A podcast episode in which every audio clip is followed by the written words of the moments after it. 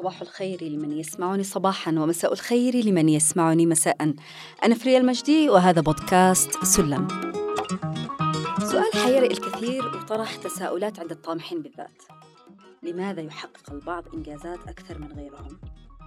هل هو الحظ كما يقولون أو أمه دعياله زي إخواننا المصريين ما يقولوا؟ كم واحد منا عنده رغبة إنه يضاعف دخله؟ أو يقرأ قائمة لكتب أعدها بداية العام أو اشتراها من فترة. كم واحد منا خطط إنه يحدد أيام للجلوس مع أولاده أو للخروج مع أسرته؟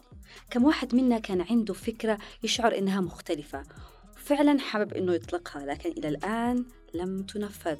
وكمان تفاجأ إنها نفذت من شخص آخر.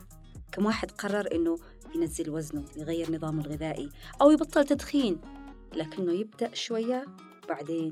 يتوقف. يا ترى إيش هو السبب؟ اللي يخلينا لا ننجز إذا بدأنا نتوقف.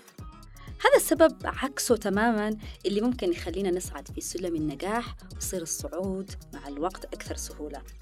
في حلقة اليوم من بودكاست سلم بنتكلم عن الانضباط الذاتي. خلونا أولا نعرف إيش هو الانضباط الذاتي. تعريف الانضباط الذاتي هو أن تفعل ما يجب عليك فعله في الوقت الذي يجب سواء كنت ترغب أو لا ترغب. لاحظوا خلونا نحط عشرين خط تحت. كنت ترغب أو لا ترغب؟ خلونا نوسع المفهوم شوية ونجيب مثال مثل نقص الوزن. طبعا نقص الوزن يحتاج آه إنك تتبع خطوات زي الرياضة والحمية. والرياضة والحمية أصلا تحتاج مننا جهد ومبذول نجي مثلا إنك آه لازم تمتنع عن أكل الشوكولاتة اللي تحبها أو البسبوسة الرهيبة اللي طعمها يعني واو لا يمكن يمر يوم من غير ما تأكلها. هذا شيء أنت لا ترغب فيه. لا ترغب إنك تمتنع عن هذه الأشياء. لكن الانضباط الذاتي أن تفعل ما يجب عليك فعله في الوقت الذي يجب سواء كنت ترغب أو لا ترغب. في فرق بين لا أستطيع ولا أرغب.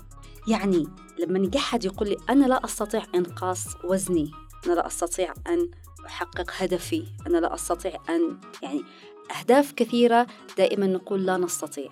أنا بالنسبة لي أحيانا أفكر أقول ما دام غيري استطاع أكيد أستطيع. ما دام غيري قدر ينزل وزنه أو يبطل التدخين نحن أيضا نستطيع. الدليل الكبير أننا نستطيع أنه غيرنا استطاع خلونا نسأل طيب إحنا ليش ما ننضبط؟ ليش نفتقد للانضباط الذاتي؟ طبعا في أسباب كثيرة وتتفاوت من شخص لشخص أولا المثالية إنه دايما نريد أن ننجز الهدف من غير عيوب so perfect نسعى وراء المثالية ليش ما ننضبط؟ لأنه الانضباط بيخلينا نخرج من دائرة الراحة لأنه أكيد يتطلب منا جهد وتنظيم أكثر. طبعا الأس زي ما قلت لكم الأسباب اللي تخلينا ما ننضبط تتفاوت من شخص لشخص إنه كل واحد مننا ممكن يرص قائمة طويلة من الأسباب. لكن فعليا إذا عندنا رغبة حقيقية في التغيير وحابين فعلا نحقق اللي نشتيه خلينا نواجه أنفسنا ونقول لا للأعذار وعشان نكون عمليين أكثر يعني أنا بطرح كم توصية تخلينا نحاول إن نكتسب مهارة الانضباط الذاتي ولو بنسبة معقولة كمان حتى ما نكونش مثاليين. أنت ممكن تجلس مع نفسك جلسة هادئة وتمسك ورقة وقلم وتبدأ بعمل تحليل وتقييم مع نفسك. اكتب تذكر نفسك على مدى السنوات القديمة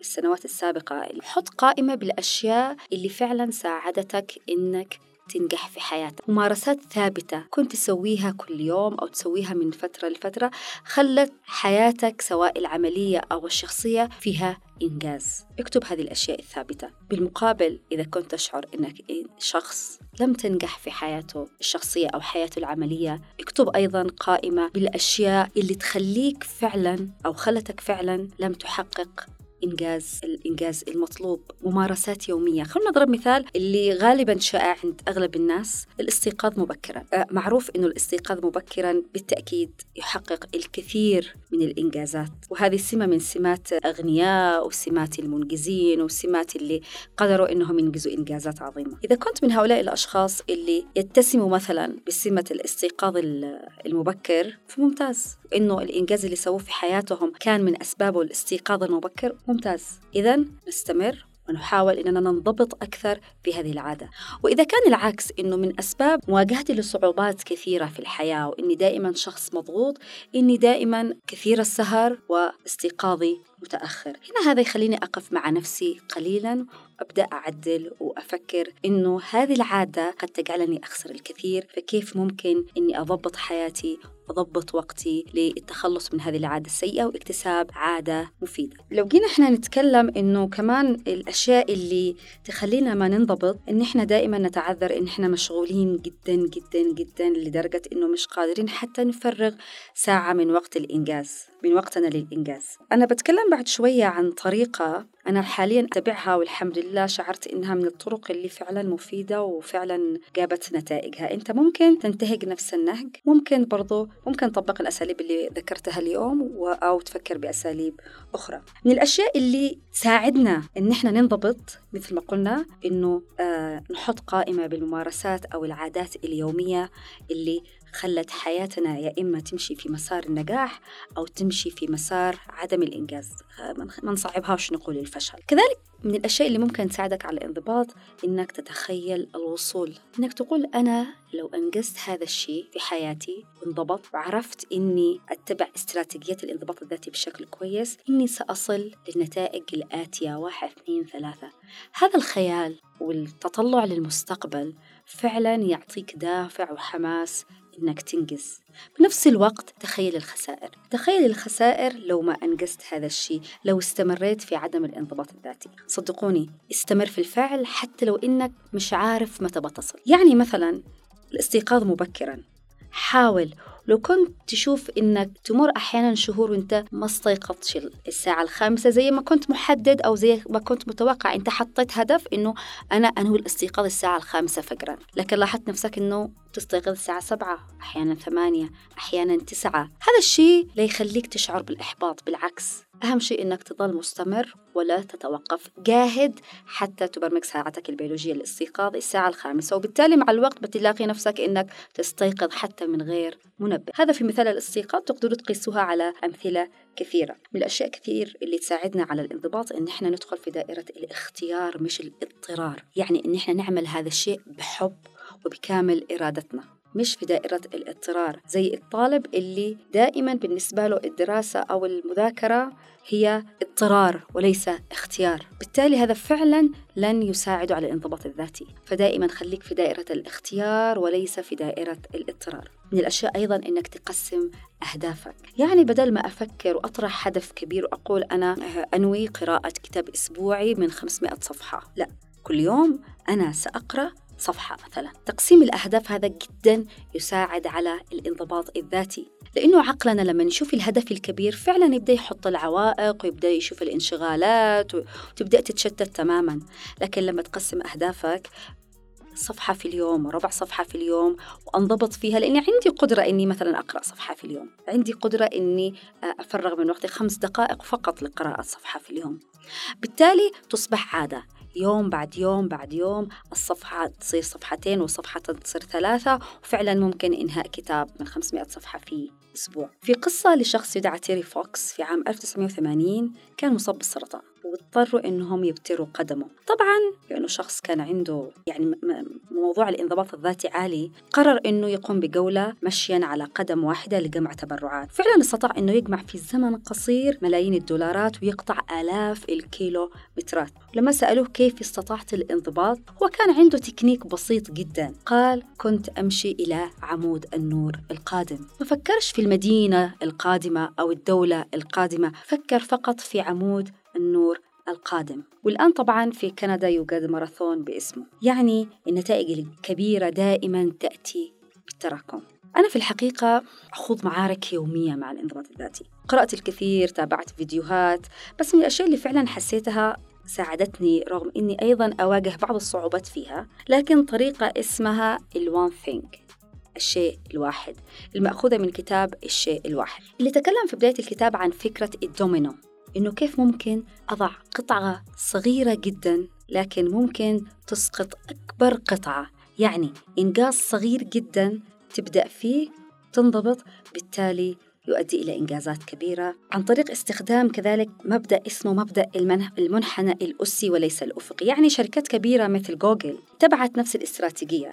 بدأت بأرباح وإنجازات صغيرة ثم بدأت بالنمو وصلت لإنجازات عملاقة. الأشياء اللي كمان خلت يعني موضوع الانضباط الذاتي يكبر ويتحسن إنه لما نجي نقارن تركيزنا وجهدنا على شيء واحد وبين تركيزنا على ثلاث أشياء مثلا فطبيعي إن إحنا نشعر بالفرق. فأنا كنت من الأشخاص اللي أركز على كثير من المهام في الوقت الواحد بالتالي نجد إن جهودنا تتشتت. فغالبا لو قسمت وقتك على ثلاثة أشياء بتلاحظ أن النتائج لا تكون كبيرة وأحيانا تكون مبتورة. كل هدف أو مهمة أنجزناه جزء منها وما أكملناهوش فعلا مع الوقت يسبب لنا إحباط. لكن لو وضعنا تركيزنا وجهدنا في شيء معناه إنه فرصتنا في الإنجاز وتحقيق التقدم بيكون أكبر. هذا يحدث مش مع الأفراد فقط حتى على مستوى المؤسسات. إنه الطموح الفردي أو المؤسسي يخلينا نفكر في كثير من الأهداف أو البرامج بالتالي يحصل تشتت في إدارة هذا التعدد. لكن لو جينا نشوف شركة كأبل بعد ما تولى ستيف جوبز إدارتها لاحظ إن الشركة تشتت جهودها في إنتاج الكثير من المنتجات. فقام بإلغاء 70% من إنتاجها وركز فقط على 30% من الإنتاج.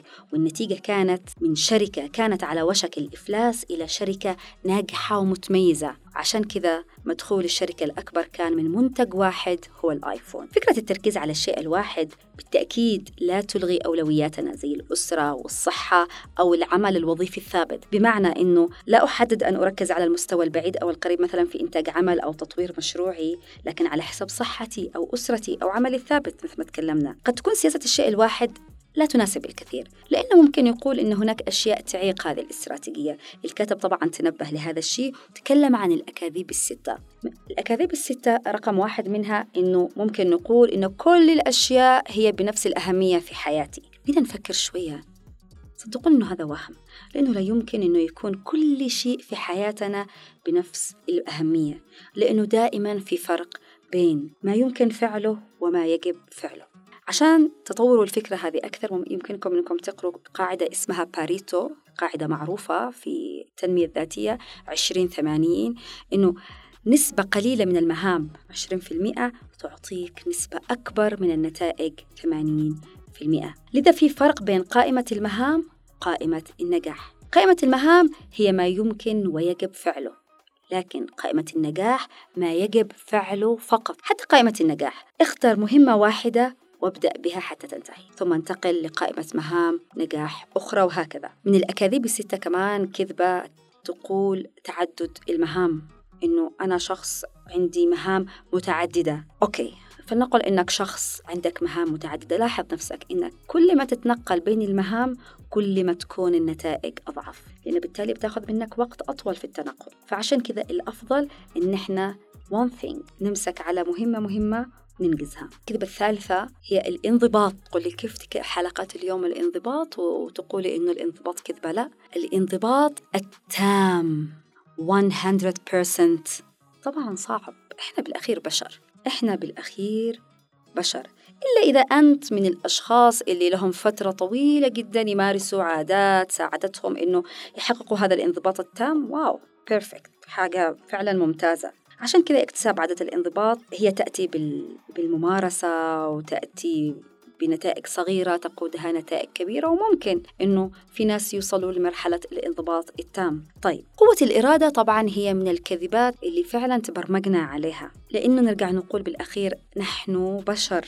قوة الإرادة هذه تظل مورد محدود ويستهلك مع الوقت. لكن إحنا ممكن نفكر بقوة إرادتنا في أوقات معينة يكون فيها الانضباط والإنجاز أفضل زي الصباح الباكر مثلا. أنت قوة إرادتك في الصباح الباكر تكون أكبر بكثير من آخر اليوم أو آخر النهار. طيب في كمان كذبة أخرى هي كذبة الحياة المتوازنة دائما.